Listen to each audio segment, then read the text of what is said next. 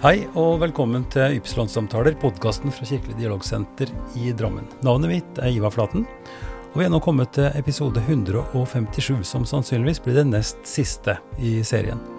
Og nå har jeg snakka med Mone Sveia, hun er Drammens byarkivar, og dermed leder for en funksjon som bare fins i noen av de største byene i landet, nemlig et byarkiv. Mone er ansvarlig for en viktig del av Drammens hukommelse, både når det gjelder historiske dokumenter flere hundre år tilbake, men også den daglige flyten av saker og dokumenter i kommunens arbeid. Vidar Liberg er historiker, pensjonert lærer og svært aktiv i frivillig arbeid både på Gullskogen gård og i Drammen historielag, hvor han er nestleder. Vi snakker om hvordan vi kan ta vare på historiene, og historien vår, i en verden som ser ut til å bli mer og mer flyktig, og hukommelsen kortere og kortere. Da har jeg gleden av å ønske Vidar Liberg til studioet mitt. Takk for det. Veldig hyggelig å se deg. Jo, det var litt spesielle, spesielle, omstendigheter da vi møttes første gang. Det var det. Jeg har, jeg har jo ikke Altså, ikke, jeg har ikke kjent deg. Navnet ditt har vel kommet opp og sånn, men men det var en litt sånn, for min del, nokså dramatisk eh, erfaring av å miste telefonen min. Ja, men du fikk den jo igjen, da. fikk den igjen. Eh, og da var det òg fordi at det var på Gulskogen gård, som ja. du har et stort engasjement i. Ja. Og da var jeg der med, med barnebarn mm -hmm. eh, og familie ellers, og hadde en veldig hyggelig dag der. Ja. Med vafler og hopping i halm og what's not. Ja. Det pleier å være veldig vellykka, disse ja. Gulskogen gård-dagene. Ja, for det var en Gulskogen gård-dag. Ja. Gulskogen gård-dag til minne om hagefesten i 1804. Det visste jeg ikke. Si, si, noe mer om det. Nei, altså I 1804 så var det på en måte en åpning av haven. eh, hvor det var en stor havfest. Ja. Som vi gjerne skulle ha hatt en film fra, men ja. det er jo ikke mulig. Eh, så vi feirer da hvert år eh, Gullskogen gårdagen til minne om den havefesten. Da. Ja. For, for uh, da en som ikke visste det, så framstår det jo bare som en sånn stor event. altså Der, der husa er åpne, der det er masse folk som har boder. Ja. Det er planter, det er vafler, det er bilder. Og ikke minst den fantastiske låven som ungene hopper fra. Hopper ut, ja. og, og, det står at noen av dine folk sikkert og, og med høygaffel og kaster halmen tilbake. Vi må passe på, vi må det. Det er, det, det er altså vi har jo unger som kommer uh, tidlig og begynner å løpe opp og hoppe, og hopper ja. altså til vi, vi lukker ja. dørene. Og, og, og, mine to, uh, eller fire da, eh, fire barnebarn, de, ja. de, de elsker det jo. Ja. De ser jo ikke ut etterpå, naturligvis. men... Nei da. Nei da, det ligger av og til igjen i en sko eller litt, en sokk. og når vi da satt og spiste vaffel der, så, så, skjer jo det som skjer når det begynner å bli litt distré og sånn, at telefonen ble lagt, lagt der. Jeg merka det ikke før jeg kom hjem, og fikk skikkelig panikk. Men så er det jo så viselig laga at du kan spore det. Mm. Og da fant jeg at telefonen lå i et hus. Eh, og, og, jeg fant jo adressen til huset ikke sant? og ringte litt sånn forsiktig. Lurte på om det var noen skurker som var der. Eller om ja, det, vi lurte jo litt når og, vi ringte. Og så var det en veldig hyggelig damestemme som kunne fortelle at jo da, de hadde en telefon. Det hadde vi. og så var det deg. Og, det var kona. meg, ja. ja. Og da fikk, fikk, du den tilbake. Og du, og du har et engasjement i Gullskogen gård som er ganske langvarig, eller? Ja, kom vel inn på slutten av 80-tallet, 90, øh, altså, og har vært med i Gullskogen gårds venner både i dugnadsinnsats, men også i styret. Da, i, mm. Sitter som leder nå? Ja. ja. Uh, hva går det styrearbeidet ut på? Hva er det dere gjør, egentlig? Nei, altså formålet er jo å skape blest om Gullskogen gård, og det å skaffe midler eh, til det sårt tiltrengte vedlikeholdet. Mm. Og, og, og, holde haven i stand. Det blir jo utført profesjonelt arbeid også med gressklipping osv. Mm. av et firma. Mm. Men det er liksom den finishen vi står for, da. Så vi er en dugnadsgjeng som som kommer sammen hver tirsdag, stort sett. Men, men dere er inne på, på et budsjett til Drammen museum? Ja, nei, vi er en selvstendig organisasjon. Men tenker så, på gården? altså Gården er, ligger under Drammens museum, ja. ja altså Hele anlegget, liksom, med, med de gamle husene, ja. med Blumang. Eh, altså Det er en del av kommunens eiendom gjennom, gjennom, gjennom, gjennom Drammens museum. Eh, Drammens museum som stiftelse. Ja. Og så er dere en sånn, akkurat som Danviksgårdsvenner her, ja. så er Gulskogengårdsvenner en gjeng som bidrar Ja. frivillig for å bygge opp rundt aktiviteter og Ja, det er det samme som eh, Friluftsmuseets venner, Austadgårds venner, eh, Ja. Gullskogen gårdsvenner, og så har du da Museumsforeningen, som egentlig er vel den eldste, vil jeg tro, venneforeningen på selve museet, da. Ja. Ja. Mm. Altså jeg skjønner jo jeg, jeg, jeg kjenner jo til og vet verdien av frivillig arbeid. Altså Det er jo en slags egennytte i det, eller egenglede, fordi sant, du, du kan være ute, jobbe sammen med andre folk, ha et nettverk, eh, bygge noe som betyr noe for andre, alt det der. Men det er jo ikke, det er jo ikke bare det. Altså det må, når, og du er jo også inne i, i historielaget. Ja. Eh, så du har et engasjement. Hvor kommer det fra? Det engasjementet for historie og, og, og, og det som eh, har vært før. det er vel oppveksten min. Jeg hadde foreldre som tok meg med på museer osv. Jeg leste mye, var interessert i historie fra jeg var liten, hørte historier. Hadde en mor som var aktiv i motstandsbevegelsen under krigen, og det var nok veldig mye med på å, å, Mm. gjøre at interessen ble, ble vakt for Ja. historie. Jeg er jo ikke født i Drammen, jeg er født i Kragerø og har vokst opp i Kragerø. Så Ja. jeg er ikke innfødt drammenser. Nei. Nei. Men uh, si litt om barndommen din, da. Altså utover det. eh, Nei, jeg hadde eh, mye turer med foreldrene mine. Faren min også. Vi kjørte mye rundt på museer osv. Han fortalte historier, og det Mm. var nok det som fanga interessen. Ja. Og så flytta jeg fra Kragerø sånn tidlig 20 år, ikke sant. Mm. 20-åra. Og begynte å studere, og da blei det naturlig at historie ble et av fagene jeg også Mm. studerte. da. ja. Ja. Spesielle temaer innafor der, eller? Nei, er, nå er det jo Det som jeg brenner for sånn personlig, er krigshistorien. Mm. Å grave i den. eh, Det er mye krigshistorie fra Drammen, men det er også en del ukjent krigshistorie som jeg Ja. syns er så spennende. Altså Gullskogen leir, en enorm tyskerleir for, bygd for 10 000 mann på Gullskogen, som omtrent ikke finnes eh, noe særlig stoff om, f.eks. Jeg har streifa det faktisk i, i mitt yrke, altså som, eh, som prest, eh, Ja. i, i minnetaler. Hvor folk har fortalt om barndom og sånn, hvor dette med den leiren har kommet opp. Ja. Ja, Eh, den, den har jo en, en, eh, en så mangfoldig historie. ikke sant? Først en tyskerleir for, for tyske soldater, hvor det også var noen russerfanger på arbeidskommandoer. Eh, Så ble det Landsvik-leir etter krigen. ja. Egne hjem pga. boligmangel. Så ble jo brakkene brukt til- det. det. Noen brakker ble jo flytta ut i Kobbevikdalen, eh, på et sted som kalles Korea. Altså, Ja. altså, man brukte jo det man kunne bruke. Gjenbruk av materialer osv. Uh, Du studerte historie. Hva har vært yrkesveien din etterpå? Jeg havna i skolen Ja. ved en tilfeldighet på Fjell skole. Jeg var Ja. mye vikar og, og for å spe på litt når jeg studerte da, med, Mm. med økonomien. Så, så fikk jeg tilbud om et årsvikariat, og så Jeg hadde aldri tenkt at jeg skulle havne i skolen, men det var nå der jeg blei. Ja, Hva tenkte du? Hva, hva du Nei, jeg hadde nok tenkt noe mer innenfor offentlig, eh, offentlig administrasjon den veien. Ja. Ja. ja. Mm. Ja.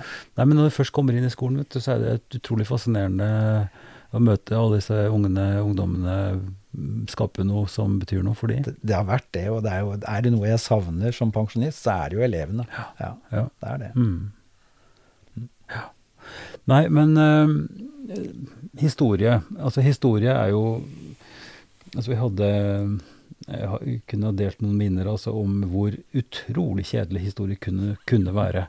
Ikke sant? Med en slags telefonkatalogaktig formidling med Ja. årstall og, og, og navn ikke sant? i en uendelig rekke som ikke blir satt i noen sammenheng, og som ikke har noe eh, appell. Eller, altså, det er ingen, ingen tilkoblingspunkter, på en måte.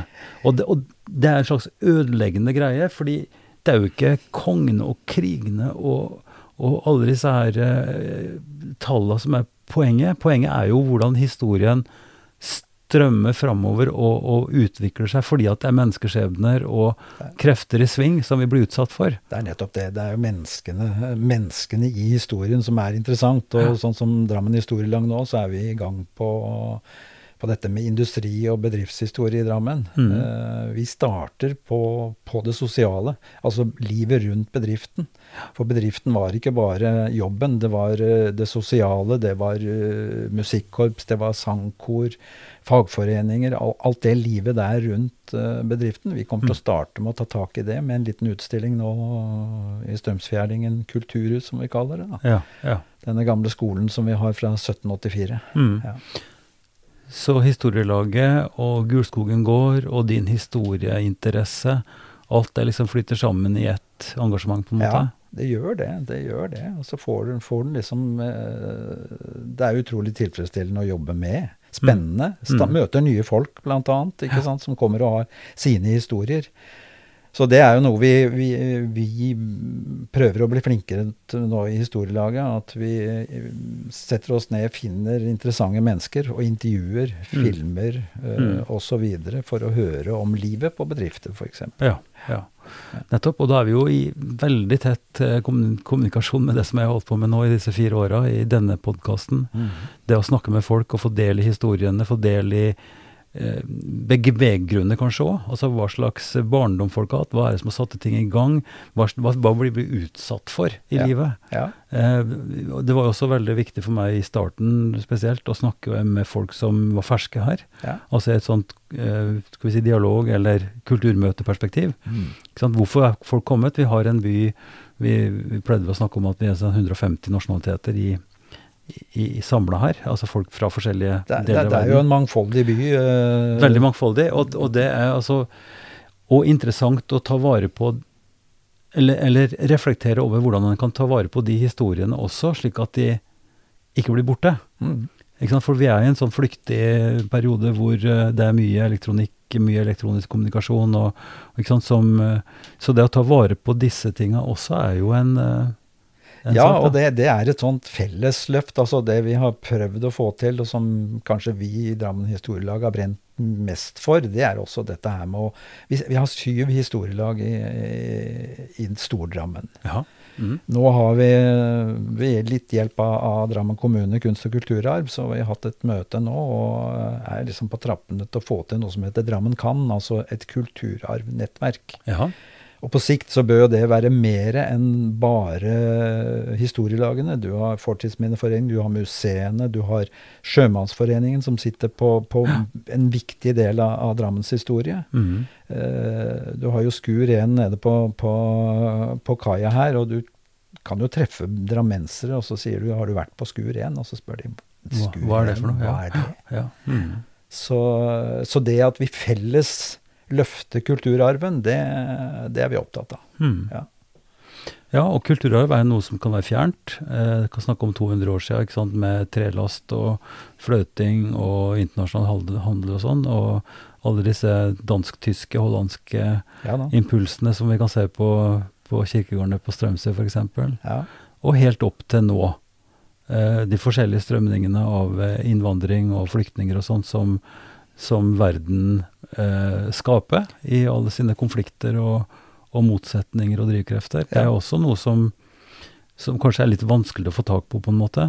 Ja, og det er jo en, del av, en viktig del av Drammens historie, og ikke minst industrihistorien, med all innvandringen, altså arbeidsinnvandring Ja, til ja. eh, papirfabrikker osv. Uh, vi har hatt en del flyktninger på besøk hos oss, eh, særlig nå i det siste ukrainske flyktninger. Som, som, eh, og det er en eh, interesse der også for å, for å lære noe om det stedet de er kommet til. ikke Mm. sant? Og ikke bare her og nå, men, men hva er historien til Drammen? Mm.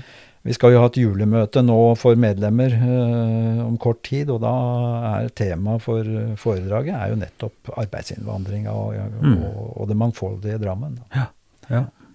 Så det er en del av, del av det, og vi ser jo også det at det er stor interesse for det som på en måte er den nære historien, da. Eh, vi har hatt, prøvd oss litt med noe som vi kaller for en huskestue. Ja. Hvor vi, hvor vi kan eh, Altså folk kommer ofte og forventer kanskje et foredrag, men vi er jo interessert i en dialog Mm. med, med folk, for det er da historiene kommer fra. Ja, ja, Og da kan det være bare å vise noen bilder ikke sant, av noen gamle butikker. ja. Du har jo melkebutikken på hjørnet, ikke sant, som, som, uh, som er en del en, av vår nære historie. Og mm. da er jo folk med med en gang. ikke sant, Da husker de. Og, og det er fascinerende å se når du kjører rundt omkring i forskjellige deler av Drammen, disse uh, førsteetasjene, litt eldre hus med de store vinduene, som helt åpenbart har vært næringsvirksomhet, men som nå er borte. Det er borte. Ja. Og de jo, ble jo borte med disse store sentra som kom opp. ikke ja. sant? Jeg bor på Gullskogen, og det var butikker uh, bortover hele gata eh, og rundt omkring på Gullskogen. Og så kommer Gullskogen senter og Elle, ikke sant. Og så mm. plutselig så, så, dør alle disse småforretningene. Så det er en mm. del, viktig del av historien vår. Mm. Ja. Eh, kan du ikke si litt mer om La oss ta Gullskogen gård først. Ja på hvordan dere jobber. Eh, jeg kjenner jo Jadviga, ja. en god venn, som. Eh, som, har engasjert seg i det som heter Sjøboden. Hva er Sjøboden for noe? Nei, Sjøboden er jo en utstilling som museet har hatt uh, i en årrekke, som tar for seg elvas og, og tømmerfløtingas historie, og hvordan det var med på å bygge Drammen. Mm. Den sto jo stengt i mange år, denne utstillingen. Og så uh, fant jo museet ut at de skulle bruke uh, såkalt uh, museumsverter. Altså ikke ja. guider, men, men museumsverter. Ja. Med da polsk og, og, og, tyrkisk bakgrunn. Og så har de holdt dette åpent som et gratistilbud. Og mm. da går jo folk forbi på på stien nede ved elva ikke sant? Og, og, blir invitert inn mm. og, får med seg en god del av, uh, av den viktige historien til Drammen. Mm. Så det er også et tiltak på en måte for å, for å, dra som du sier, dra folk inn som i utgangspunktet kanskje ikke trodde at det var noe å hente, eller ikke kunne forstå det. Altså at det, blir en, det blir en slags integrering eller en slags ta på alvor at her er det folk fra mange kanter som ikke er på en måte fortrolige med historien? Da. Ja, altså dette med tømmerfløting er kanskje ukjent for, for veldig mange. Men så er det også det når, når vi snakker med folk, så, så, er det jo sånn at vi hører at uh, de har paralleller uh, der de kommer fra, til, mm. til, noe av den samme utviklinga. Ikke mm. sant? Og det vel noe av det samme også med hagen, å ta vare på på hagen og på nyttevekster og, og, sånne ting? At dere jobber også aktivt med det? Ja, du har jo denne urte, urtegruppa som, som, Jadviga er en, en, stor del av. Og, og, eh, de holder jo denne urtehagen i stand. Og er eh, Vi samarbeider jo tett med de, da. Mm. De har jo også faste dugnader. Ja. Så er det jo en prydhage ja. som, som, krever sitt. Det, vi begynner vel å se at trær osv. De er godt over 200 år gamle, ikke sant? Og, og eh, ja, at uh, alt har sin tid. Mm. Så uh, jeg er jo bekymra for den dagen disse store allétrærne ikke lenger er uh, i så god stand. Men, men, har dere fagfolk som er med på å vurdere sånt og drive dette, eller er dette også frivillig? Nei, det er vår, fra vår side, fra Venneforeningens side, ja. så blir det frivillig. Men det er klart vi har hatt, uh, vi har hatt ildsjeler som var med å starte Venneforeningen. Mm. Daniel Klykken og, Christian Grymyr som, som jobba i parkvesenet i kommunen. Som ja. satt også på, på en del fag kunnskap, da. Daniel har vært med litt fortsatt, og er fortsatt med, men, men uh, det er klart, vi kunne nok trengt litt mer uh, faglig bistand. Mm. Men det er det museet som må, må, må, ta. De bruker jo arborister som, som sjekker trær osv. Det er også for øvrig et fascinerende yrke. Altså arborister. Ja. Det var, jeg har møtt noen sånne ganger som, som har dyp kunnskap om om trær, hvordan de snakker om disse trærne. Det er, det er, helt fascinerende. Det er det. Det er det. Og det er jo, du har jo den lindelabyrinten som nok eh, Ja. Eh, som vi har slitt litt med å holde i, å få den tett og, og fin, sånn at det blir en god opplevelse å gå i labyrinten. Så det, det, krever, det krever mye. Ja, ja. Det gjør det. Så det er klart museet også har begrensa med midler. og ja. Så, altså det er jo sånn vi møter overalt. Altså det, viljen og ønsket og visjonen er kanskje noen ganger større enn enn mulighetene. Det, det, er det. Både tidsmessig men, men, men, det er jo et anlegg som altså du sier Å drive dugnad der er jo én ting, men i det øyeblikket du går inn porten der og kommer innafor, så er det en egen sånn Det blir en ro. Mm. Og det, det, er det veldig mange som, som, som opplever da når de kommer på Gurskogen Det, er en stor, stor, ut, skal vi si, stor, stor verdi og en gave å ha sånne, det det. sånne steder og arealer. Så det, det er, jo prisverdig og mm. flott at du og dere orker å drive med det. Ja. Men historielaget, si litt mer om det igjen. Altså, hva, for det, der er det både publikasjoner, der er det Du snakker om dette huset. Ja, huset er jo liksom kjernen i vårt, eh, vårt arbeid. Da. En skole fra 1784, bygd etter forordningen fra København i 1739. Eh, Første, rett og slett første skolevesenet. Ja, det er jo av den, av den typen. Da, så er det jo det. Så, så Kongen, det var, kongen befalte at de skulle lære det, og så var det jo samtidig kirke, og så Ja. skulle det var kristendomskunnskap, og det var lesing og skriving, liksom, som var det viktigste. det var det. Det begynte jo med kristendomskunnskapen, og så Ja. kom lesing og skriving inn. Og det var jo kirken, og det, det var jo Bragernes som, Bragernes som styrte, selv om denne lå utenfor bygrensa til, til Drammen. Da. Vi ligger jo på oversida av grensegata, hvor, hvor grensen til byen gikk Mm. i, i sin tid. Da. Mm. Ja. Og virksomheten i det huset. Nei, altså vi, vi leier ut til uh, Buskerud slektshistorielag. Uh, slekt og data. Uh, og så har vi foredrag hver måned. eh, satser på det. Et historisk foredrag. Og så er det åpent hver torsdag fra 11 til 1 og fra 6 til 8, hvor folk kan komme innom, ta en kopp kaffe, ta en prat, eh, komme med spørsmål. I det hele tatt. Så, så det er et, det er et li, hus med, med liv i. Mm. Så Og hvem er det som holder liv i det? det er jo historielaget som, som gjør det, men selvfølgelig da med å ha leietagere. Vi har også Drammen viseklubb, som er veldig aktive. Som er en stor bruker av, av, av huset. Og de bruker Altså, de stiller jo opp for oss også og underholder hvis det er arrangementer vi har, da. Mm. Så Ellers så er det byvandringer som har Ja. vært, uh, vært en kjernevirksomhet, og nå har vi kommet i gang igjen med det. Vi var jo så heldige å ha Jo Sellegg som den, uh, Ja.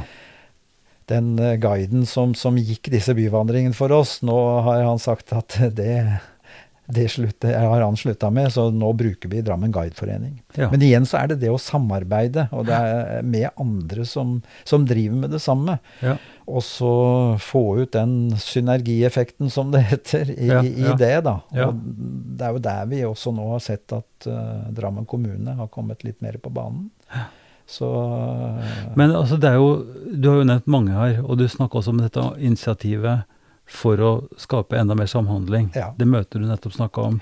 Eh, Drammen Drammen kan, altså Drammen kan, kultur, ja, ja. kulturarvnettverk. Ja, KAN, ja. Ja, Kulturarvnettverk. Ja, Ja. nettopp. Så, så øh, Jeg tenker at det er en viktig, viktig bit Ja. nå framover, og, og særlig når vi er blitt en storkommune. ikke Mm. sant? Du har eh, Eiker, du har Svelvik, som også Mm. er en del av Drammen, og som har en rik historie. Eiker med mye industrihistorie. Ja, ja, ja. Svelvik også, for så vidt. Ja, ja.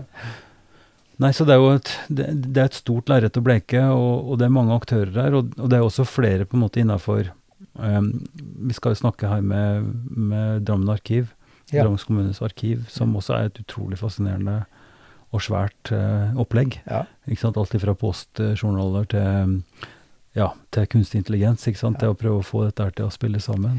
Og, og, og museene, så klart, og, og biblioteket, ikke minst. da. Ja. Så, det, så, så jeg ser jo for meg at altså Jeg vet ikke hvordan vi skal skille det, Vidar, og hvordan vi skal snakke om det, men du har, du har jo altså Du sitter rett foran en svær bokhylle. Vi har bøker, og vi har tidsskrifter, vi har alt det trykte materialet Ja. som så klart i stor grad eh, også tar vare altså med, med romaner og, og skjønnlitteratur, alt det der, som tar vare på historie og personer. Mm. Eh, faglitteratur for den del. Som er, som er bibliotekets ansvar. ja. Både lokalt eh, og nasjonalt, for så vidt. Og så har du arkivet, som, som da skal serve de kommunale funksjonene, på en måte. Ta vare på altså hva er hukommelsen der. ja. Hvilke brev som er tatt imot og sendt. Og, eh, men, men også alt det nå som utvikler seg av elektronisk kommunikasjon. Eh, som er mye mer flyktig og mye vanskeligere Ja. nå, eh, i hvert fall i en periode, å finne ut av hvordan en skal ta vare på. Ja. Og så har du privatarkivene. Mm. Eh, F.eks. arkivet til Gulskogens gårds venner, da, ja. etter hvert. Eller en eller annen idrettsforening, eller alt det som også er tatt vare på, men som ofte sitter på hylla hos en privatperson. Ja, eller havner i en container etter hvert hvis noen blir borte. Eller sant? havner i en container hvis noen blir borte. Ja. Som også er arkivets ansvar, på en måte. Og så har du det materielle. Det er vel kanskje det materielle, altså bygningene, strukturene som, som historielag og Gullskogen gård-venner og Austad gårdsvenner osv. snakker om. Men der ligger det også bakt inn historier og erfaringer og skrifter og alt mulig. Det er det det gjør. og eh, Det er jo en utfordring når du sier alt det, alt det som finnes. altså Det ser jo vi nå. Vi får en del ting fra, fra eh, folk, ikke sant. Og noe øh, klarer vi å overføre til Byarkivet. Det er klart de har begrensninger også. Uh, vi har fått et stort tegningsarkiv nå med bygningstegninger osv. som vi nå har uh, gått igjennom, og som skal overføres til Byarkivet. Mm. Men så er det det jeg tenker er kanskje en sånn litt glemt utfordring. Uh, alle historielagene sitter på utrolig mye kompetanse, mye historisk materiale, bilder osv. Vi må på en, det er vår felles historie, og det er en utfordring. Og det, den utfordringa må vi sammen med f.eks. Drammen byarkiv se på om vi kan få til løsninger hvor, hvor, vi sikrer at det vi har av bildemateriale, blir bevart for, for framtida. Mm. Eh, det å sikre ting, backuper altså Veldig mye ligger digitalt. ikke sant? At, at det er gjort på en, på en skikkelig måte. Men igjen, mm. det koster. og men vi må ta tak i det. Mm. Og det er, det er, igjen vår felles hukommelse. Mm. Det er det. Jeg har snakka med, med, folk som jobber innenfor arkiv. Vi har jo et veldig spennende firma her i byen som Pickle, som jobber med film. Bruker filmemisjon og, og lage digitalt, for så vidt, da, men ja. i, et, i, et, sånt materiale som ligger nå på Svalbard, i, i, i gangene der. Ja. Ehm, så det er mange tekniske muligheter og tekniske ting som skjer og nå med kunstig intelligens og også store lagermuligheter digitalt og sånn. Men, men, det er liksom òg denne Det som jeg nå er litt opptatt av, så klart når det går mot slutten av denne serien, og, og alle disse historiene som nå finnes da i et podkastformat, og som alle har tilgang til. Ja. Men, det, men det er også en del av denne strømmen av kunnskap og innsikt i nåtid. Ja som jeg tenker også er viktig for å speile Altså historien er viktig, og kanskje enda viktigere for å forstå nåtid, men også alt det av erfaring av enkeltpersoner som har levd i konfliktområder, som kommer hit, som prøver å etablere seg. Altså alle disse møtene mellom norsk gammel historie og historie fra andre kanter av verden. Altså det er en utrolig sånn dynamisk og, og veldig, veldig interessant fase. Og den er kanskje ikke ny heller, altså det ser vi jo på gravene på, som sagt nede på Strømsø. ikke sant, At det har vært sånn impulser hele tida.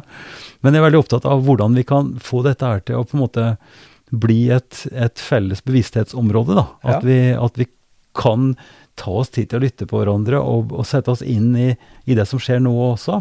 Ja, det er, det er, det er, alt henger jo sammen. altså jeg ser jo, Vi er Drammen historielag, og vi er jo kanskje et, et historielag som tar for seg Drammen som helhet, mens mm. de andre historielagene er litt mer lokalt uh, mm. forankra. Men, men, det er klart at når vi ser hva er Drammen, altså, så har vi et bibliotek. Men der er det jo både Hurum, altså uh, Røyken, Modum, Kongsberg er jo en del av det biblioteket. fordi at vi ser at hele denne dalen her har jo hengt Altså, det henger sammen. Ja. Og, og, som du sier også nå med, med innvandring og, og, så videre. Hvordan ta vare på og sikre den historien. Mm. Og det er vel kanskje et felt hvor vi har vært for dårlige. Det å, å, å trekke altså innvandrere og folk, nye folk inn uh, i, i, i, jobbinga vår, da. Mm. Uh, som sagt så har vi hatt besøk av en del flyktninger òg, og, og, vi ser at interessen er stor. Mm. Ja, for det, det, er jo uh, Vi skal snart runde av her, men, men, det er jo åpenbart også fagfolk, intellektuelle, folk som jobber med kanskje med arkiv, med bibliotek og sånn, fra andre, f.eks. Bosnia, ja. ikke sant, som har vært her til stede nå fra 90-tallet. Mm.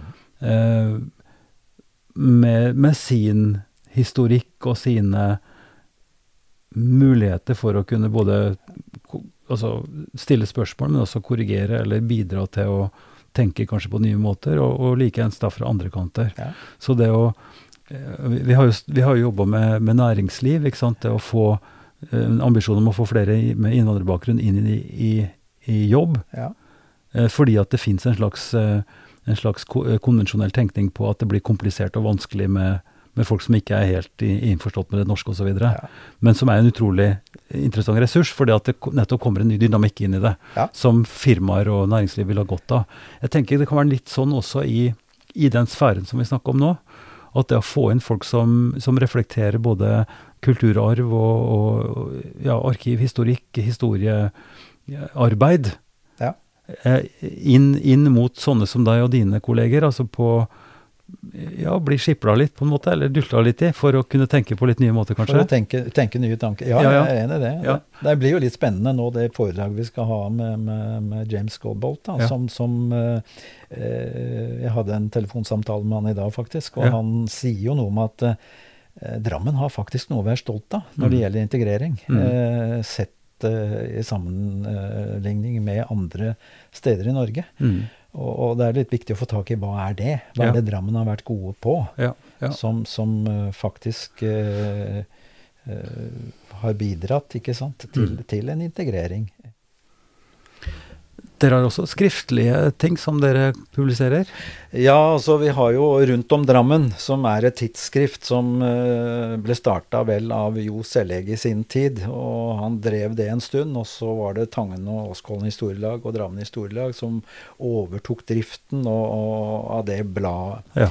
Med en selvstendig redaksjon, som da eh, har samla inn eh, skribenter fra tidligere bare Drammen, men også nå fra, Mhm. fra Nedre Eiker og, og, og Svelvik. Ja. Så det er eh, et blad som fortsatt uh, utgis. Mm. Uh, men der tenker man nå nye tanker. Man har organisert bra i en selvstendig forening, som en selvstendig forening. Ok. Uh, sitter jo på årganger tilbake på 80-tallet og, og tenker nå å få prøve å få digitalisert alt det gamle materialet. Ja. Og tenker også at, vi går, at det går an å få til en, eh, en digital løsning, abonnementsløsning, sånn at folk kan, kan lese dette på et nettbrett eller på PC-en eller mobilen om de vil. Ja, Sånn ja. at uh, det jobbes det med nå, men det er på en måte på sida av historielagets drift. Da, men det er klart vi, vi Det er et barn av historielagene, så vi, vi følger godt med. Mm. Så, Eh, vi runder av der. ja. Vidar, det har vært eh, en fornøyelse av deg her. Og Ja. lykke til videre med, Ja. med alt du står i. For det både Gullskogen og Historielaget og nå dette nye, nye nettverket, som jeg tror vil ha betydning eh, i åra som kommer. Så takk skal du ha. Det blir en viktig del. Ja. Takk skal du ha. Og med det går vi over til denne podkastepisodens neste gjest, nemlig Mode Sveia. Mone sitter altså som sjef for Byarkivet, og har ansvar for både den daglige flyten av informasjon, men også historiske dokumenter. Spørsmålet er jo hvordan vi tar vare både på det som er gammelt, og har tilgang til det, men også alt det som skjer nå i den kortere og nærmere historia i en by som har veldig mye interessant som skjer, både med kulturer og folk som kommer utenfra, og det som skjer i det daglige livet. Velkommen hit, Mone Sveia. Tusen takk. Tusen takk for invitasjonen. Ja, dette, dette er spennende. Vi har møttes så vidt før og, og snakka litt om det du driver med. Du, du er statsviter, og du har jobba med, med litt forskjellig, men er også nå kommunens eh, hukommelse in person. Du er arkivsjef, eller eh, Selveste byarkivaren. byarkivar, ja, Ja. heter det faktisk. Hva i all verden er en byarkivar? Altså, jeg må ta et skritt tilbake, Ja. eh, og rett og slett eh, eh, snakke litt grann om kommunesammenslåing, Ja. og hvordan på en måte vi har blitt organisert da, Ja, mm. i forbindelse med det. Ja. Eh, Fordi at i gamle Drammen kommune mm. så hadde vi jo også Byarkivet. Mm. Og det var vi så heldige at vi fikk lov til å videreføre i nye Drammen kommune. Det er ikke vanlig, var det altså? Det er ikke vanlig med et byarkiv. I eh, Norge så er det vel mellom åtte og ti ulike byarkiv, og det er liksom disse store bykommunene Ja. som har et byarkiv. Så vi er privilegerte, vi da. Vi er veldig privilegerte, og vi er veldig heldige. Ja. Eh, og det som er spesielt med at vi er et byarkiv, mm. det er at eh, vi er det som kalles for et totalarkiv. Det betyr rett og slett at vi har dokumentasjonen og informasjonen helt fra den skapes, og helt til den skal bevares for evigheten. Så er det vi som har ansvaret for det. De aller fleste kommunale arkivtjenester har det sånn at de har ansvar for selve danninga av dokumentasjonen og informasjonen, Ja. og så overfører de dette til en annen institusjon på et seinere tidspunkt, sånn at det er noen andre som tar vare på det. Og en sånn annen institusjon, hva kan det være? Det er typisk et interkommunalt selskap. Eh, IKA Kongsberg, Arkiv Ja. Øst, Arkiv Troms. Ja. Hvor det er flere ulike kommuner som er inne på eiersida da, Ja. sånn at de får utført den tjenesten fra denne institusjonen. Mens i Drammen så gjør vi altså den jobben sjøl. ja. Det Det må jeg også legge til at jeg syns passer veldig godt med verdiene til Drammen kommune. Mm. Vi har verdien nær, inkluderende og nytenkende. Og da når vi sier at den ene verdien er nær, og den andre verdien inkluderende, så tenker jeg at det er noe med nærhet til det materialet som angår byens innbyggere. Mm. Eh, Og fordi at vi har da 7,5 km med papirarkiver fordelt på Hjelpe magasiner. og trøste. Ja, det er masse. Vi samla jo alt sammen inn i forbindelse med kommunesammenslåinga. Ja. Eh, og fordi vi har alt dette da i nærhet til oss sjøl, Ja. så betyr det også at vi kan betjene forespørsler om innsyn Mm. mye raskere. Ja. Ehm, dette er jo ganske svært, eh, men altså la oss holde fast i byarkivet. Er en, det er noe som er ganske spesielt, fordi det er veldig få Eller de, det er de store kommunene som har det. Vi har det her. Mm. Ehm, og jeg er jo nysgjerrig på det her. eh, Jeg kan jo si det som en sånn liten parentes her, da, før vi går videre, at, at eh, det å å være nær til å kunne kjenne historia si, eller vite noe om hva folk og hvem folk er rundt i, i nærområdet vårt, og hva de har drevet med før, og hvordan vi kan få med oss historia, Mm. ligger jo mitt hjerte nær. Og det er jo det er litt, litt av motoren i denne podkastserien. Mm. Eh, og, og hvordan en skal at, at en skal unngå at alt bare flyter gjennom, sånn som det gjør nå i vår tid, ikke sant, med elektronisk kommunikasjon, og, Mm. og ting blir på en måte borte. og ja, Vi sitter jo i biblioteket mitt, så her er det jo ganske mye solide ting. Og vi har jo biblioteket her i byen. Mm. Og vi har, vi har, eh, vi har eh, museene. Mm. Så det er mye som er håndfast og konkret sånn sett. Mm. Men, men eh, si litt mer om altså Du er sjef for Du er byarkivar, så Ja. du har dette, dette spesielle byarkivet Mm. som nå utvider seg og blir mange kilometer stort, fordi vi skal inkludere disse andre nye. Vi samla sammen fra gamle Nedre Eiker, gamle Svelvik og fra gamle Drammen Ja. eh, i forbindelse med kommunesammenslåinga. Mm. Så det er jo det som utgjør denne store samlinga nå, på 7,5 km. Og så er det sånn at fordi vi er et byarkiv, så har vi jo både dokumentasjon knytta til den kommunale saksgangen, Mm. men vi har jo også en del private arkiver i byarkivet. Eh, og jeg tenker at det, det er en utrolig fin måte, da, å kunne få fram utviklinga som skjer i samfunnet. Mm. For eksempel så har vi i eh, byarkivet eh, den, eh, det arkivet fra Modum Bad. ja. Og når vi gikk gjennom der sånn, så fant vi jo også noen gamle brev fra Camilla Collett. Så det eldste brevet man kjenner til i Norge, som Camilla Collett har skrevet, det har jo faktisk vi i byarkivet hos oss. ja. En eh, skatt, rett og slett. En liten skatt, det er sånn. Eh, og jeg, eh, nå er jeg litt opptatt av kvinners plass i samfunnet òg. Eh, og det å kunne gå inn f.eks. på Byarkivet sine hjemmesider og se på godbiter fra arkivet, og lese om etablering av Norsk lærerinnelag tidlig på 1900-tallet. Hvor man har liksom noen sentrale personer, og vi har arkiver som dokumenterer det her. Det syns jeg også er veldig interessant, for det sier noe om samfunnsutviklinga. Ja, ja. For én ting er på en måte det kommunen gjør, og kommunen speiler jo samfunnet. Mm. Men samtidig det å ha disse private arkivene etter aktører som har vært eh, i sentrale posisjoner, da. Mm. Det er jo noe med vår egen lokale historie, hvor vi kommer fra. Rydde opp i hodet mitt og de som hører på sitt hode nå, på hvor går liksom grensa mellom For dette, altså Camilla Collett er jo forfatter. Mm. Og har skrevet og har dokumenter, har ting som naturlig vil falle inn under bibliotek, kanskje. Mm. Så, og Drammensbiblioteket er jo et fabelaktig sted. Mm. Et kjempefint bibliotek som også er særklasse, vil jeg si. Mm. Mm. Kan sammenligne med hva som helst, nesten. Men hvor går grensa mellom det ansvaret de har, og det ansvaret arkivet for byen har, og skal vi si kanskje også, for å tra enda en grense på andre sida, mot museene? Mm. Si litt så Helst litt kort, sånn at det går an å forstå det. Ja. Jeg tenker jo eh, biblioteket er jo tradisjonelt bøker. ja. Eh, et arkiv, der handler det jo om dokumentasjonen. Ja. Mm. Det som er vår hovedoppgave, er jo å dokumentere saksgangen i Drammen kommune. Ja. Altså dokumenter som kommer inn, Ja. dokumenter vi sender ut. Ja. Det er vår hovedoppgave. Og så har museum, eh, museumene mer fokus på gjenstander, da, vil jeg si, sånn for å gjøre det veldig enkelt. Men for arkivet sin del Og lenger, og historie lenger bak kanskje også? Eller? Nei? Vi har jo mye gammelt Ja. hos oss. Ja. Vi er jo tilbake på 1700-tallet. ja.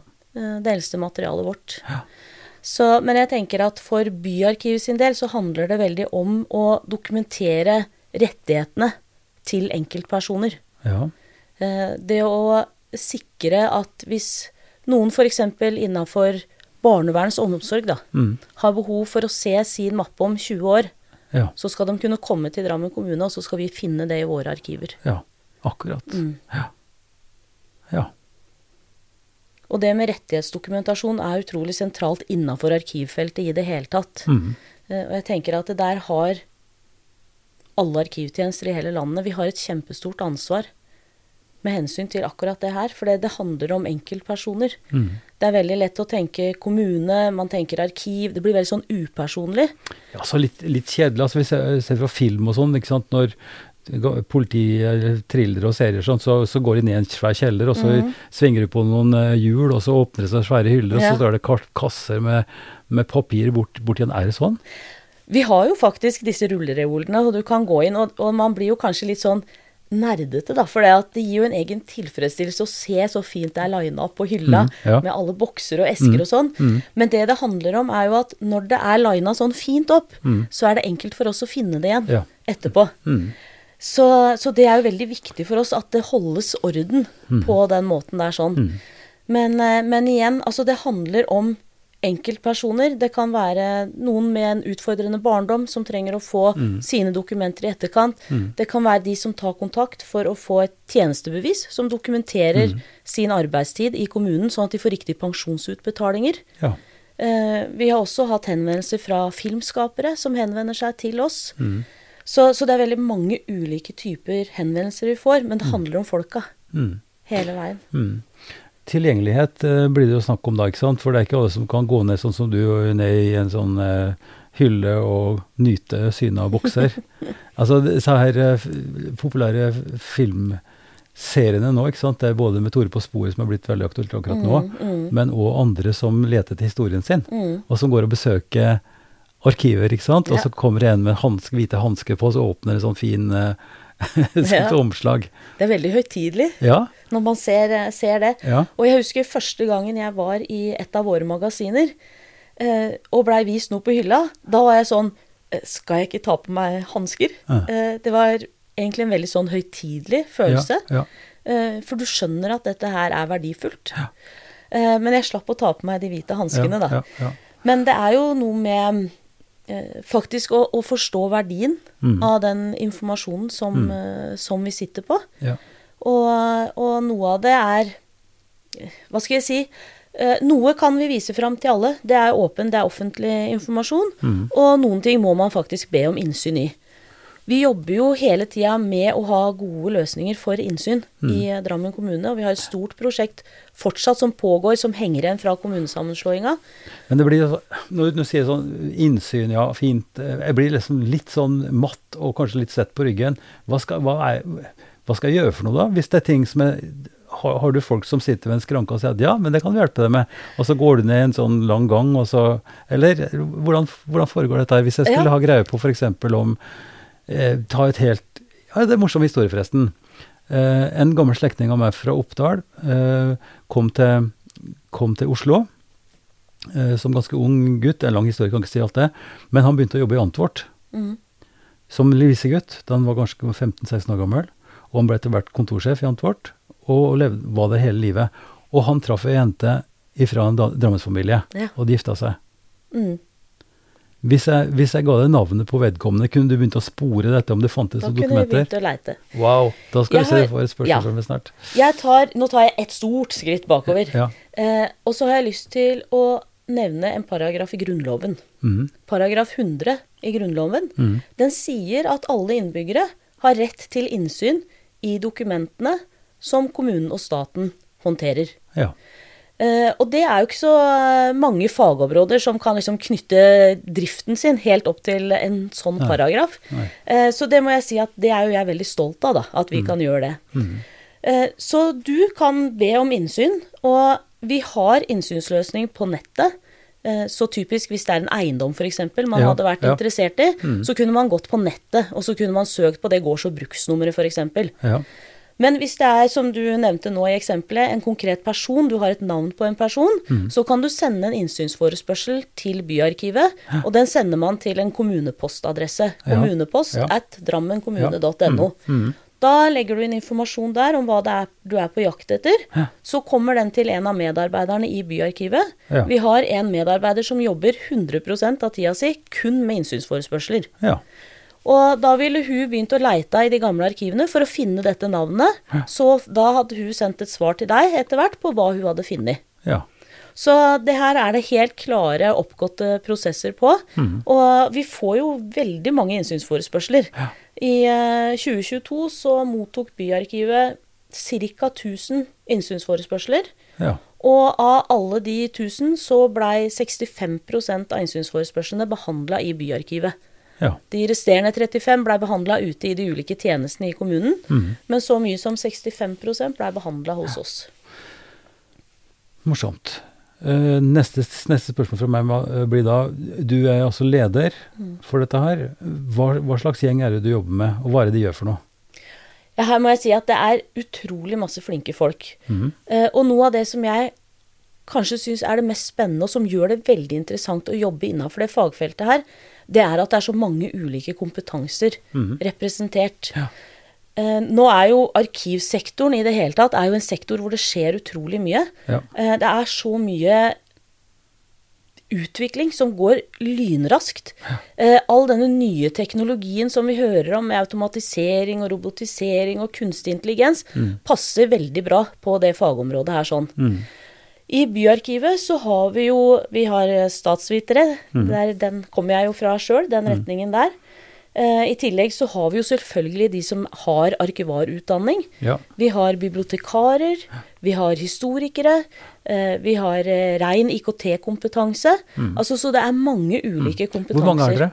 Vi er til sammen 25 personer. Ja. Og vi er eh, organisert i tre ulike faggrupper. Ok. Eh, som egentlig gjenspeiler dette at vi er et totalarkiv. Mm. Så vi er en faggruppe for systemutvikling, eller egentlig systemforvaltning. Eh, de tar seg av hvordan de ulike systemene settes opp, hvordan vi skrur det sammen. ja og hvordan dataene skal flyte, Ja. hvordan de skal lagres, hvordan de skal Ja. Ja, og det er litt sånn hvis systemer skal snakke sammen, så er de med i de prosjektene. Det er sånn. Store Sånn- marerittet. Ja, men sånn at vi passer på at vi får de riktige, riktige dataene inn i våre systemer. Ja. Eh, De jobber også masse med opplæring av sluttbrukere. Så har vi en egen faggruppe for daglig-arkiv. Eh, Og det er de som man kanskje sånn tradisjonelt tenker på som arkivtjenesten i Posten. en kommune. Post som kommer inn. Post Referater. som skal F.eks. referater. Ja. Eh, Men det kan være brev fra statsforvalter, brev fra departementer, brev fra innbyggere. Eh, Så alt som kommer inn av post til Drammen kommune, går til dagligarkivet. Ja. Så må de vurdere om dette er noe vi skal registrere inn i vårt system, eller om det skal videre ut til noen andre. Mm. Det er også de som foretar kvalitetssikring, sjekker at postlista blir publisert sånn som den skal hver dag. Mm. Sånn at også innbyggerne kan følge med på posten som kommer inn, og som går ut fra kommunen. For dette har vi tilgang på via nettet. Dette har alle tilgang på, så sant du er på nett. Ja. Da kan man gå inn på kommunens hjemmesider, og så er det lenka opp til innsynsløsningen Ja. i Drammen kommune. ja. Eh, I tillegg så har vi en faggruppe for historiske arkiver. Så det er jo den gjengen som da forvalter disse 7,5 kilometerne vi har med papirarkiver. Ja. Og i tillegg så er jo de ute på befaringer hvis det er papirarkiver som skal avleveres. Men nå får jo de også en vridning veldig over mot digitalt skapt materiale som skal tas vare på for ettertida. Så, så det fagfeltet her, da, det, det spenner over veldig mye. Mm. Og det er vel det som gjør det så fascinerende også, å få være med på, kjenne utviklinga på kroppen. Vi må snakke litt mer om det, men jeg er så fascinert over at du, da, altså som person, hvordan kom du inn i dette der? Altså, hva, hva, hva Fortell litt om historien din. Ja, eh, det er jo mye tilfeldigheter, og så ser man jo eh, sånn i ettertid at det er en rød tråd igjennom her. Mm. Eh, Jeg er jo så gammel at på min tid var det jo cand.mag.-grad man tok. Mm, ja. Så jeg tok en cand.mag i statsvitenskap. Mhm. Og så hadde jeg jobba som dokumentkontroller, hatt sommerjobb som det tidligere. Og så når jeg da skulle prøve å få meg en fast jobb, er en ordentlig jobb, så eh, var det sånn at noen hørte jeg hadde jobba med dokumentkontroll. Da var det veldig enkelt å få meg ut i jobb. ja. Så jeg begynte å jobbe i oljebransjen, Ja. og var der i noen år. Mm -hmm. Når jeg var ferdig der, så dro jeg til USA og tok en master i business og administrasjon Mhm. der borte. Kom tilbake og syns jo fortsatt dette med data, informasjon, dokumentasjon, at det er et veldig spennende Når omtrent område. var vi da? Tidspunktet? Da var vi rundt 2000-tallet. Ja. Mm. Ja. For da hadde jo skjedd masse, da. Det hadde skjedd masse. På datasida, den var jo i vill utvikling fra Ja. slutten av 80-tallet. Ja, ja, ja. Så det hadde skjedd eh, mye. Så kom jeg hjem, og da begynte jeg å jobbe på leverandørsida.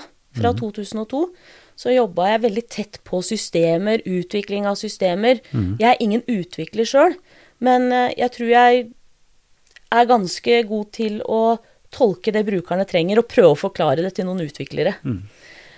Så da jobba jeg på leverandørsida i flere år, og så begynte jeg i Drammen kommune i 2016. Mm. Da begynte jeg først som fagleder for den systemutviklingsgruppa, og så i 2019 så overtok jeg som leder for Ja, Byarkivet. Ja. Hvorfor? gjennom- Hvorfor? Ja, Hvorfor? hvorfor? Hvem er du som uh, syns at dette er så utrolig? Altså Statsvitenskap er jo Ja, det er jo statsvitenskap, og det er sikkert også det er et svært felt. Det er ikke bare politikk, og det er ikke bare utenriks og sånt. Det, det er jo dynamikken i statsforvaltning. Ja, og jeg gikk jo den retningen innafor statsvitenskap som heter offentlig administrasjon. Mm. Uh, og jeg tror at eh, noe av det som på en måte trigger meg, da, det er den muligheten man har til å se liksom det store bildet. Se en helhet, prøve å se noen sammenhenger. Eh, og så er det jo en ordentlig stor dose med idealisme inn i det her også. Eh, det å faktisk kjenne at man bidrar, eh, både internt i vår egen organisasjon, det å kunne hjelpe folk til å få en enklere hverdag ved å bruke våre systemer, men også det å vite at du faktisk er med på å legge til rette for at våre etterkommere da, skal kunne klare å finne fram i den samfunnsstrukturen som vi har vært en del av. Og, det, og det å kunne bevare bevare det som skjer, det, det er noe av det som, eh, som jeg har lyst til at vi kan komme litt videre inn på. Eh, nettopp fordi at det er blitt så veldig flyktig. Mm. Det er så mye av det som vi før drev med Vi hadde sånne syvende sanser, ikke sant? og jeg har en hel stabel med sånne inne i skapet her som jeg har tatt vare på, som jeg gleder meg til å begynne å bla tilbake i. For der har du på en måte hukommelsen i sånne små hefter fra år til år, ikke sant? hva du har gjort gjennom året og sånn. Mm. Eh, og nå har vi kalendere i, eh, i Microsoft 365, eller hva vi har for noe, forskjellige ting. Uh, og jeg blir litt forskrekka når jeg blar meg tilbake der, så for et år siden, det, altså, hvor er det blitt av det hen? Mm. Mm. Eh, du driver ikke og skriver ut og tar vare på, på sånne ting. Altså, så det, og det er jo på et personlig nivå. Mm. Jeg har brevsamlinger fra kjærlighetsbrevet mellom mor og far, Mm. Eh, som er interessante for meg, men som må vise noe om. Mm. Eh, ikke sant? Så, men hva, hvor blir det av Snapchatene og SMS-ene og e-postene og Mm. Det som jeg tenker er veldig viktig nå, fordi man ser at utviklinga går så fort, da, Mm. er jo at vi er tydelige på hvilke verktøy kommunen har for å utføre saksbehandling. Eh, det betyr at saksbehandling det skal man ikke gjøre via chat, eh, f.eks. Saksbehandling skal heller ikke gjøres via Facebook og kommentarfeltet Nei. eh, under der. Så, så det er viktig at man er tydelig også i dialogen med de som er interessenter, mm. og sier hvilke plattformer er det vi bruker. Eh, og det tenker jeg jo også er viktig for at innbyggere skal kunne følge med på ja, som jeg nevnte i stad, post som kommer inn, post som går ut. At man kan følge med i den postlista på hva som faktisk foregår i kommunen. Uh, og, og det er jo noe av det som jeg har reist som en risiko i ulike prosjekter, er jo på en måte hvor fort utviklinga går. Eh, og det er veldig veldig mye bra som skjer. Det er mye som gjør at vi kan jobbe mer effektivt, og vi kan jo ta vare på mer, for det er ikke noe vanskelig å lagre data lenger. Nei. Eh, men samtidig så er det noe med at vi må ha noen litt sånn standardiserte prosesser for måten vi jobber på, sånn at vi klarer å sikre at vi faktisk tar vare på det vi skal ta vare på. Så dette er jo en utfordring som vi diskuterer masse i ulike sammenhenger også. I, Både i byarkivet, men også i de andre virksomhetene som vi samhandler tett med. Så det er så, det er så banalt som julekort, f.eks. Mm. Altså, hvor er det blitt av de? Mm. Ja, nå sender jo bare, eller legger man ut noe på Facebook, eller sender noe på Snap, eller Ja, eller om en er så gammeldags som meg, da, så skriver han jo sånne vidløftige eh, årsrapporter liksom, til venner og kjente, med noen bilder på og sånt. Og det, eh, vi er gammeldagse nok til at vi faktisk kjøper da, for dyre, dumme konvolutter og Mm. frimerker og, og sender Mm. ut. Men, men eh, mange som jeg kjenner, de kommer jo bare med en sånn, kommer som en e-post, ja, eller ja. blir sendt sånn. Og der må jeg jo si, eh, til jul i fjor så skrev jeg faktisk et fysisk julekort til hver eneste medarbeider Mm. i eh, byarkivet, som jeg la på pulten deres. Mm. Eh, og da var det noen som kom tilbake etterpå og sa at det hadde vært veldig hyggelig Ja, å få et ja. ordentlig det er spesielt, vet du. Ja, ja, ja. At noen tar seg tid til å, å gjøre det. ja. Ja. Nå så er jo det nesten en kuriositet når man får liksom dette fysiske julekortet. Ja, men det blir også en kuriositet det med hvor fort ting går, og hvor fort vi glemmer, da. Og Mm. da er vi igjen på dette her sporet, kanskje skjøten mellom det. Jeg forstår jo at kommunen og staten og statsforvaltning og, og den hukommelsen og den rettighets Mm. som ligger på dere, at vi skal kunne etterprøve. Mm, mm. Eh, Men private arkiv, altså det å skulle ta vare på det en sjøl driver med, det blir jo sett på litt med sånn, sånn komikk, det nå. Du er sånn Ja. petimeter, Ja. å ha arkivpermer og sånt nå. Hvem er det som har det, da? Nei, vi ser jo at det er faktisk en god del mennesker rundt omkring i Drammen kommune som har det. Ja. Eh, For vi blir jo kontakta med jevne mellomrom Mm. av folk som har arkiver de ønsker, altså private arkiver, som de ønsker å avlevere, eller som de spør om vi er interessert i å ta imot. Men da er det typisk organisasjoner, ikke sant? Det kan være organisasjoner, men det kan også være privatpersoner som tar Ja. kontakt og spør om det. Ja. Og så må jo vi selvfølgelig da gjøre en vurdering av innholdet her sånn, ja. før vi gir vårt svar. Mm. Eh, og noen ganger så kan det være interessant, og noen ganger så er det på en måte ikke noe vi kan ta vare Dere på, tar ikke rått og røte, liksom? Nei, vi kan, det har vi ikke mulighet til. Nei. Blir, blir, blir det gjort søkbart, det som kommer inn da? det som eh, skjer, er at det er eh, eh, Det blir registrert, det blir ordna hvis det er behov for det. Det blir satt på hylle, og så blir det registrert i våre systemer. Sånn at hvis vi får forespørsel f.eks. om denne slektningen din som du nevnte i ja, stad, Ja, så har vi våre verktøy som vi kan gå inn og søke i, sånn at vi veit hvor på hylla dette står. ja. Eh, og så jobber vi jo med å få så mye som mulig søkbart ut for andre, Mm. men det er ikke sånn at alt vi har er søkbart ut. Det må jo være en himla jobb å skulle digitalisere 17 km, hva du sa for noe? 7,5 Skjønner, km. ja, ja, det, blir, det blir 70 neste gang. Ja. Bare flytte komma. Nei, men det er ikke sant, det er det som Nasjonalbiblioteket og andre driver med, altså det å, å digitalisere ting. Nå, Mm. nå er det jo flere og flere. Google har jo Mm. også på, på, gått over mange streker, kanskje, men allikevel digitalisert masse litteratur, men Mm. Nasjonalbiblioteket òg. Mm. Eh, Så det er jo en veldig stor verdi i det, men akkurat ned på det personlige nivået, og i, som du sier, det som kommunen har ansvar for Mm. versus oss vanlige, da, eller, men, men også som representanter for om det er et historielag, eller om det er en interesseorganisasjon, men en menighet, eller hva det er for noe. Mm. Eh, vi har jo digitalisert for private aktører Mm. eh, også, men da har det jo gjerne vært et oppdrag som vi har fått fra de. Mm. Eh, og ellers er det jo sånn at disse 7,5 kilometerne med papirer, vi har jo ikke mulighet til å digitalisere Nei, alt det. nei. Men det som vi jobber veldig for internt hos oss sjøl òg, da, det er jo at vi skal kunne få muligheten til å digitalisere deler av denne samlinga på 7,5 km. Mm. Fordi vi ser at det vil gjøre ting enklere Mm. i eh, prosessene våre internt. Mm. Eh, For da kan vi gi tilgang til en del ting mye raskere. Ja. Og man er ikke så avhengig av at det går gjennom oss nødvendigvis heller. Eh, Det her er kanskje litt, litt for spesifikt på en måte, men, eh, men la oss nå si da, altså jeg har vært med på forskjellige utviklingsprosjekt, ikke sant, og flere organisasjoner som går nå innenfor dialogfeltet. Hvis, hvis, eh, hvis jeg f.eks. tok den jobben sjøl og, og laga PDF-er Mm. av eh, samtlige innkallinger og referat fra en av disse, eh, hva slags format skulle det være på, og hvordan skulle det presenteres for at det skulle bli interessant? Altså Jeg kan legge ut på en webside, vi kan, Mm. vi kan tilrettelegge det Mm. innafor på en måte sånn privat Mm. sfære. ikke sant? Mm. Det finnes jo én milliard nettsider, Mm. eh, og du kan få hjelp til å søke og sånt. Men Mm. Altså for at det skulle bli tilgjengelig innafor ditt regime, da, Mm. Mm. hva skulle til da? Uh, hvis vi, kan vi bruke Sacred Music Festival? Eller vi kan bruke? DHTL. Det Drammen Omegn Tro- og livssynsforum. Ja. Eh, da tenker jeg jo at det aller første hadde vært at du hadde tatt kontakt med oss. Mm. Uh, fortalt at du hadde materiale som du tenkte at kanskje Byarkivet hadde interesse av å ta Ja. vare på. Ja. Så ville man jo tatt et møte med deg, eh, fått vite mer om hva dette var for noe. Mm. Eh, og så deretter, hvis vi da sa at jo, dette sier vi, dette er noe vi ønsker å bevare i Byarkivet, så måtte vi jo sett på da, er dette noe som kun skal være tilgjengelig i papir, eller skal en del av avtalen være at dette materialet også digitaliseres? Og da kan det hende at vi må ta eh, betaling for å gjøre det, rett og slett fordi at vi bruker også en del ressurser da på å Ja. digitalisere. Ja.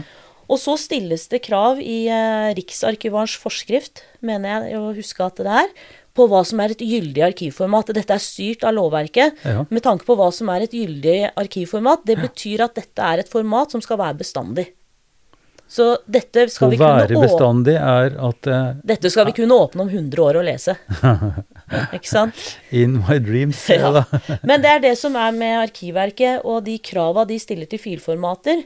Eh, da har de også et ansvar for Ja. eh, å sikre at det er lesbart. Så det er ikke sikkert at du er så happy med at du får en bunke PDF, liksom? Eh, da hadde jeg sagt hvilket PDF-format er dette her? For Ja. det har jeg jo lært at det er veldig mange ulike varianter av PDF-formatet. Ja, nettopp. Så, så hvis Så det er fort du å gå seg bort her. Det er veldig fort gjort å gå seg bort. Ja.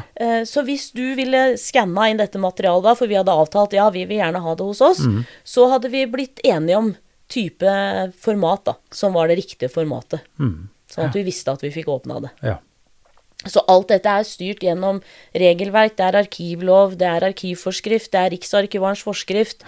Det er offentlighetsloven, det er forvaltningsloven. Alt dette er lovverk som er Mm. Ja, liksom ja, ja. i et tema da, i vår dialog. Eh, og og et, et annet sånn konkret eh, spørsmål er jo det vi snakka litt sammen om før. altså F.eks. nå av disse 160-70 episodene av en podkast. Nå eksploderer jo podkastmarkedet. Én ting er jo det som NRK og andre kringkastere driver med. Sant? Det er på en måte en litt annen skål, men dette er jo noe som ligger i et sånt kvasi-personlig, offentlig eh, domene Mm. som er lagt ut i podkastservicer, og som kan tilgjengeliggjøres, men som er avhengig av at noen fortsatt eh, gjør det tilgjengelig. Mm, mm. Eh, og, hva skulle da til for at det blir interessant? Altså at, Hva er det som gjør at du vil ta vare på en podkastserie, f.eks.? Jeg tenker jo at sånn som den serien her sånn, Mm, eh, den handler jo mye om Drammen-samfunnet. ja. Mm, Eh, og jeg tenker at alt som vi kan knytte til Drammen-samfunnet, mm, sette det inn i den konteksten, mm, eh, det er noe som er interessant for tida framover også. mm, så det tenker jeg er et viktig premiss når man ser Ja, på det. ja. Og så ser jeg jo at akkurat det med podkaster, det er noe med igjen hvor fort ting går. Ja, ja. Eh, men det er jo en sånn ting som jeg syns er naturlig at Byarkivet og Drammensbiblioteket, eller biblioteket, da, ja, eh, at vi snakker om. ja. Hva kan vi gjøre her sånn? Mm. Åssen kan vi løse den her? Mm, ja. Eh, for der kommer du på en måte litt sånn på den grensegangen Mm. mellom bibliotek og arkiv. Ok, eh, la oss gå til framtida. Det er jo Nå skal vi kjøre le leke profeter her, for Mhm. både du og jeg har jo fulgt IT-utviklinga fra begynnelsen av, Mm. og sett eh, både sårbarheten eh, mellom proprietære og så veldig sære ting som en skal prøve å få til å spille med andre, og hvor totalt på trynet det har gått for de som har prøvd å bygge store systemer, om det nå er i Forsvaret eller i andre sektorer. da. Mm. Um, og spørsmålet mitt, eller utfordringa di og vår utfordring og vår på en måte in veldig interessante tidsperiode nå, er hvordan ser du for deg dette her? Hvordan skal vi kunne ivareta det som vi allerede har, da? Og samtidig ha en offensiv og skal vi si kreativ måte å møte informasjonsflommen på. Mm. En flom er jo et negativt begrep. ikke sant? Det, det blir så mye at det bare svømmer over, og du mister helt oversikten. Mm. Så vi vil ikke ha flom. Men vi vil ha en struktur. Ja. Og vi vil, altså vi vil vite forskjell på snørr og kanel, og vi vil kunne gå tilbake igjen Mm. og finne ut av ting. Mm. Og hvordan i huleste kan det gjøres? Altså ut ifra ditt systemperspektiv og ut ifra ditt ansvar nå. Ja. Eh, Fra mitt ståsted, da, så øh, Hva skal jeg si? Du pirker jo, eller graver egentlig rett inn i noe av det som er veldig vanskelig. Mm. Uh, for det, det, enkle svaret nå i dag er jo egentlig ja, men vi kan ta vare på alt. Mm. Uh, og da blir jo utfordringa hvordan skal vi klare å finne fram i den mengden etterpå. Mm. Uh, og det er greit å ha gode søkeløsninger og ha mekanismer for det. Mm. Men det er jo allikevel noe med at hvis du får en liste med treff, da, på 3000 treff som mm. kan være aktuelle, mm. så er det noe med hva den menneskelige hjernen klarer å ja. prosessere. Ja. Og så tenker jeg jo at ja, vi kan bruke kunstig intelligens, og det er veldig mye teknologi man kan benytte, helt sikkert, for å forfine da, et sånt resultat. Mm. Men det er jo noe med at vi må ta noen bevisste valg allikevel mm. på hva vi skal ta vare på. Mm. Vi kan ikke bare ta vare på fordi det er enkelt og for sikkerhets skyld, liksom. Bare klinke alt inn i en svær server, og så har du tatt det, liksom? Ja. Dag for dag? Ja, og da, det gir lite verdi. Eh, så jeg er jo opptatt av liksom den verdien som arkivsektoren klarer å skape i samfunnet. Og jeg tenker at innafor arkiv da, så er det jo noe som heter NOARK-standarden, altså Norsk arkivstandard. Mm eh, noen er veldig glad i den, noen er ikke så glad i den. Jeg tenker jo at NOARK-standarden faktisk er en av grunnene til at man har kommet såpass langt i Norge. For det at eh, det stiller noen krav til hvordan data skal struktureres. Ja. Så er det jo Altså, alt kan bestandig være bedre, men den har gitt oss et utgangspunkt. Mm. Eh, så det betyr at eh, hvis man skal bytte system, den type systemer som det her støtter, så er det den samme strukturen, selv om det er en annen leverandør av det systemet. Ja, ja. Det betyr også at hvis det er et annet system, f.eks. et skolesystem som skal integreres mot da sak-arkivsystemet, mm. så er det en struktur, det er en fast struktur du skal forholde deg til. Så du kan finne igjen data i en, eh, i en tilsynelatende svær fil, så vil ja, du vite det, det skaper en forutsigbarhet på hva du kan forvente av struktur i systemet. Og det tror jeg er kjempeviktig for å klare å finne igjen data seinere. Mm.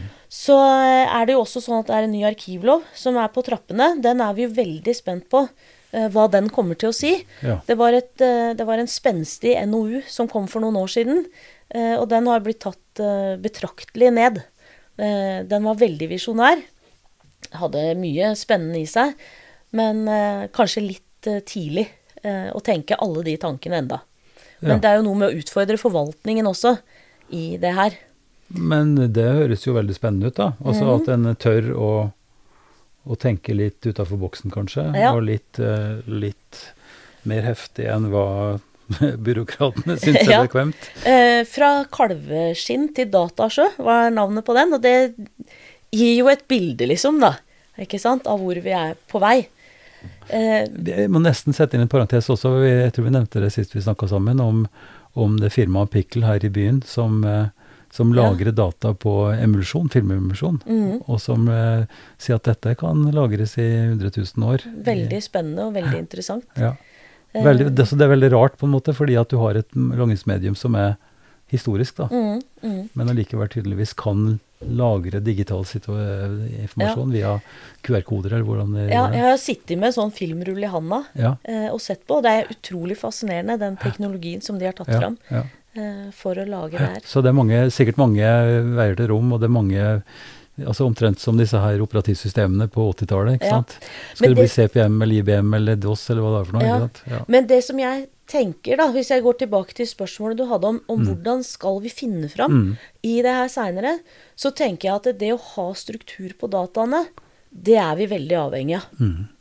Eh, vi er nødt til å sikre en forutsigbarhet. Ja. Eh, sånn at ikke hver leverandør lager sitt eget. Mm. Eh, da blir jo vi også veldig sårbare ja. hvis det er endringer mm. i systemer, endring av leverandør, og det blir veldig dyrt.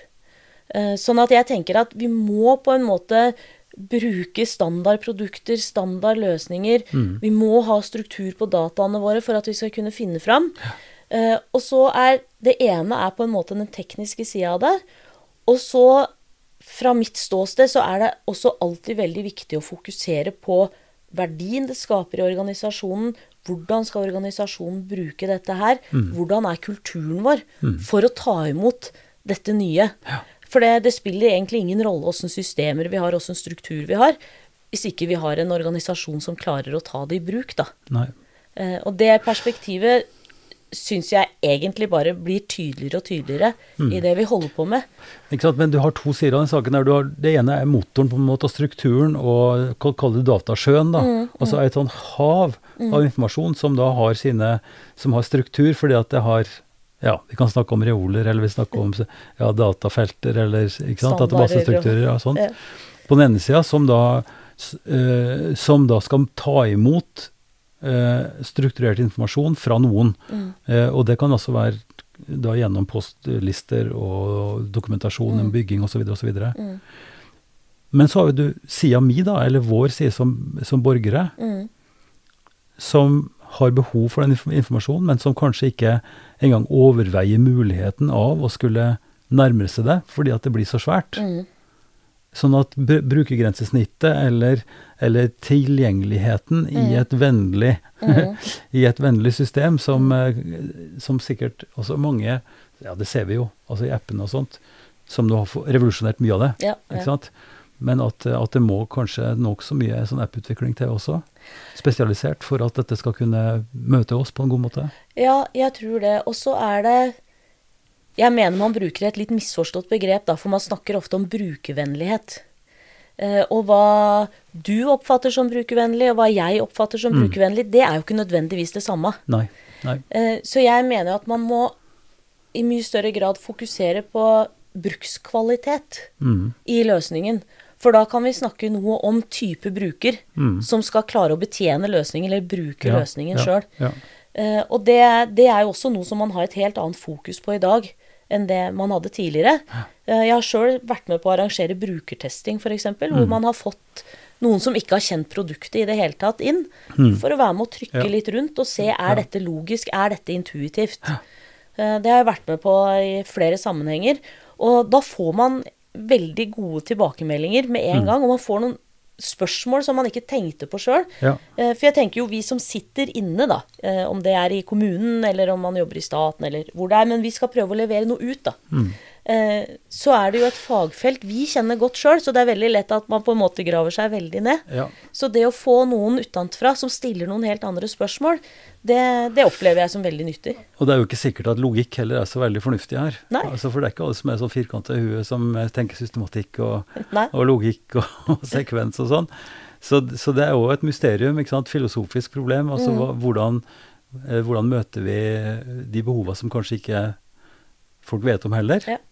Eh, Å kunne spore til nysgjerrighet, bidra Mm. til å stille spørsmål. Eh, og da er vi jo liksom over i den pedagogiske eh, greia igjen. Ja. Altså at en har faktisk et mandat og et, en plikt på seg, som sikkert kommune og du som sjef for dette her, til å kunne gjøre det på en sånn måte at det blir både innbydende og kanskje ret- retningsgivende for hva en kan tenke seg å bidra med. Ja.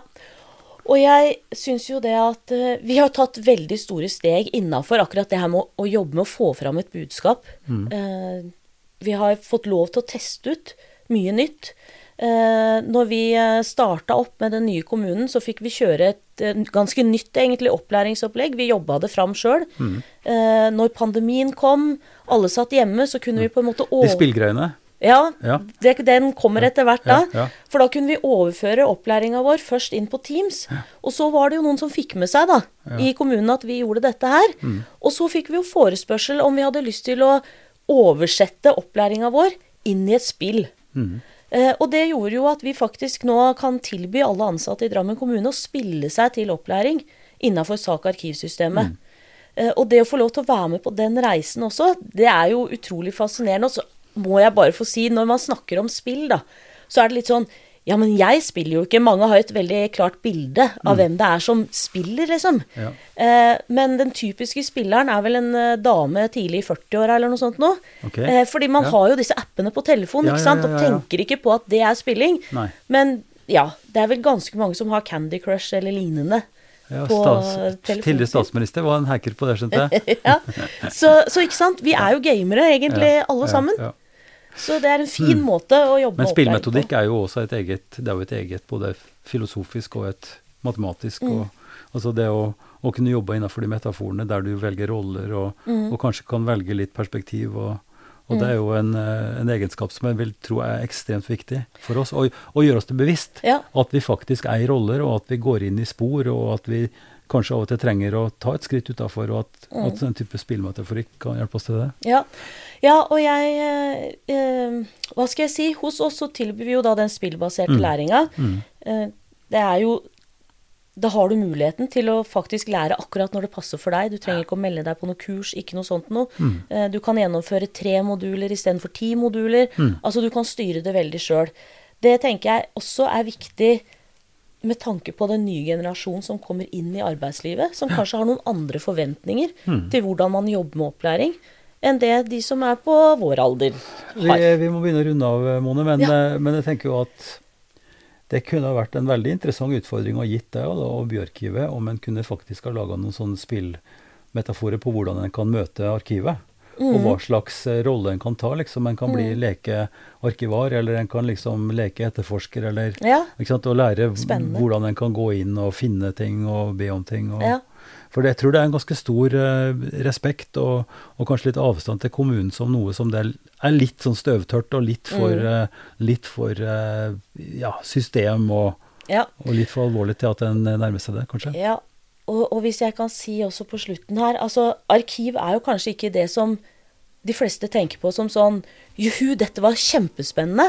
Og så når vi begynner å fortelle om alt vi gjør, så har jeg ikke tall lenger på hvor mange som egentlig bare svarer tilbake Gjør dere alt det her? Dette var jeg ikke klar over. Mm. Og det er jo noe av det som gjør det så spennende, det vi ja. holder på med. Ja. Eh, og det er jo virkelig en driver og en motivasjon for å jobbe innafor det fagfeltet her. sånn. Mm.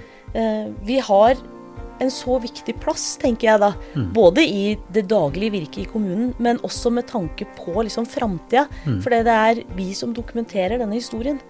Da håper jeg at de som har hørt på det her, kanskje har fått, eh, fått en litt sånn aha-opplevelse. At de også kan bli nysgjerrige. At det ja. kan bli et rønn nå, sånn at det ikke var 1000, men kanskje 2000 henvendelser til innsyn. Ja. Så takk for praten. Takk skal du ha. Lykke til. Veldig hyggelig. Takk, takk. Da takker vi for at du var med på den eh, nest siste av Ypsilon-samtalene. Siste kommer eh, like før jul. Før eh, Kirkelig dialogsenter går over til en, en ny serie som vil bli leda av Karoline Faber. Jeg takker for følget så langt, og vi takker for støtten som Drammen kommune gir oss, Einar Juels legat og Barne- og familiedepartementet. Du kan uh, lytte på alle episodene, som er nesten 170 stykk, tenker jeg nå, på ypsilonsamtaler.no.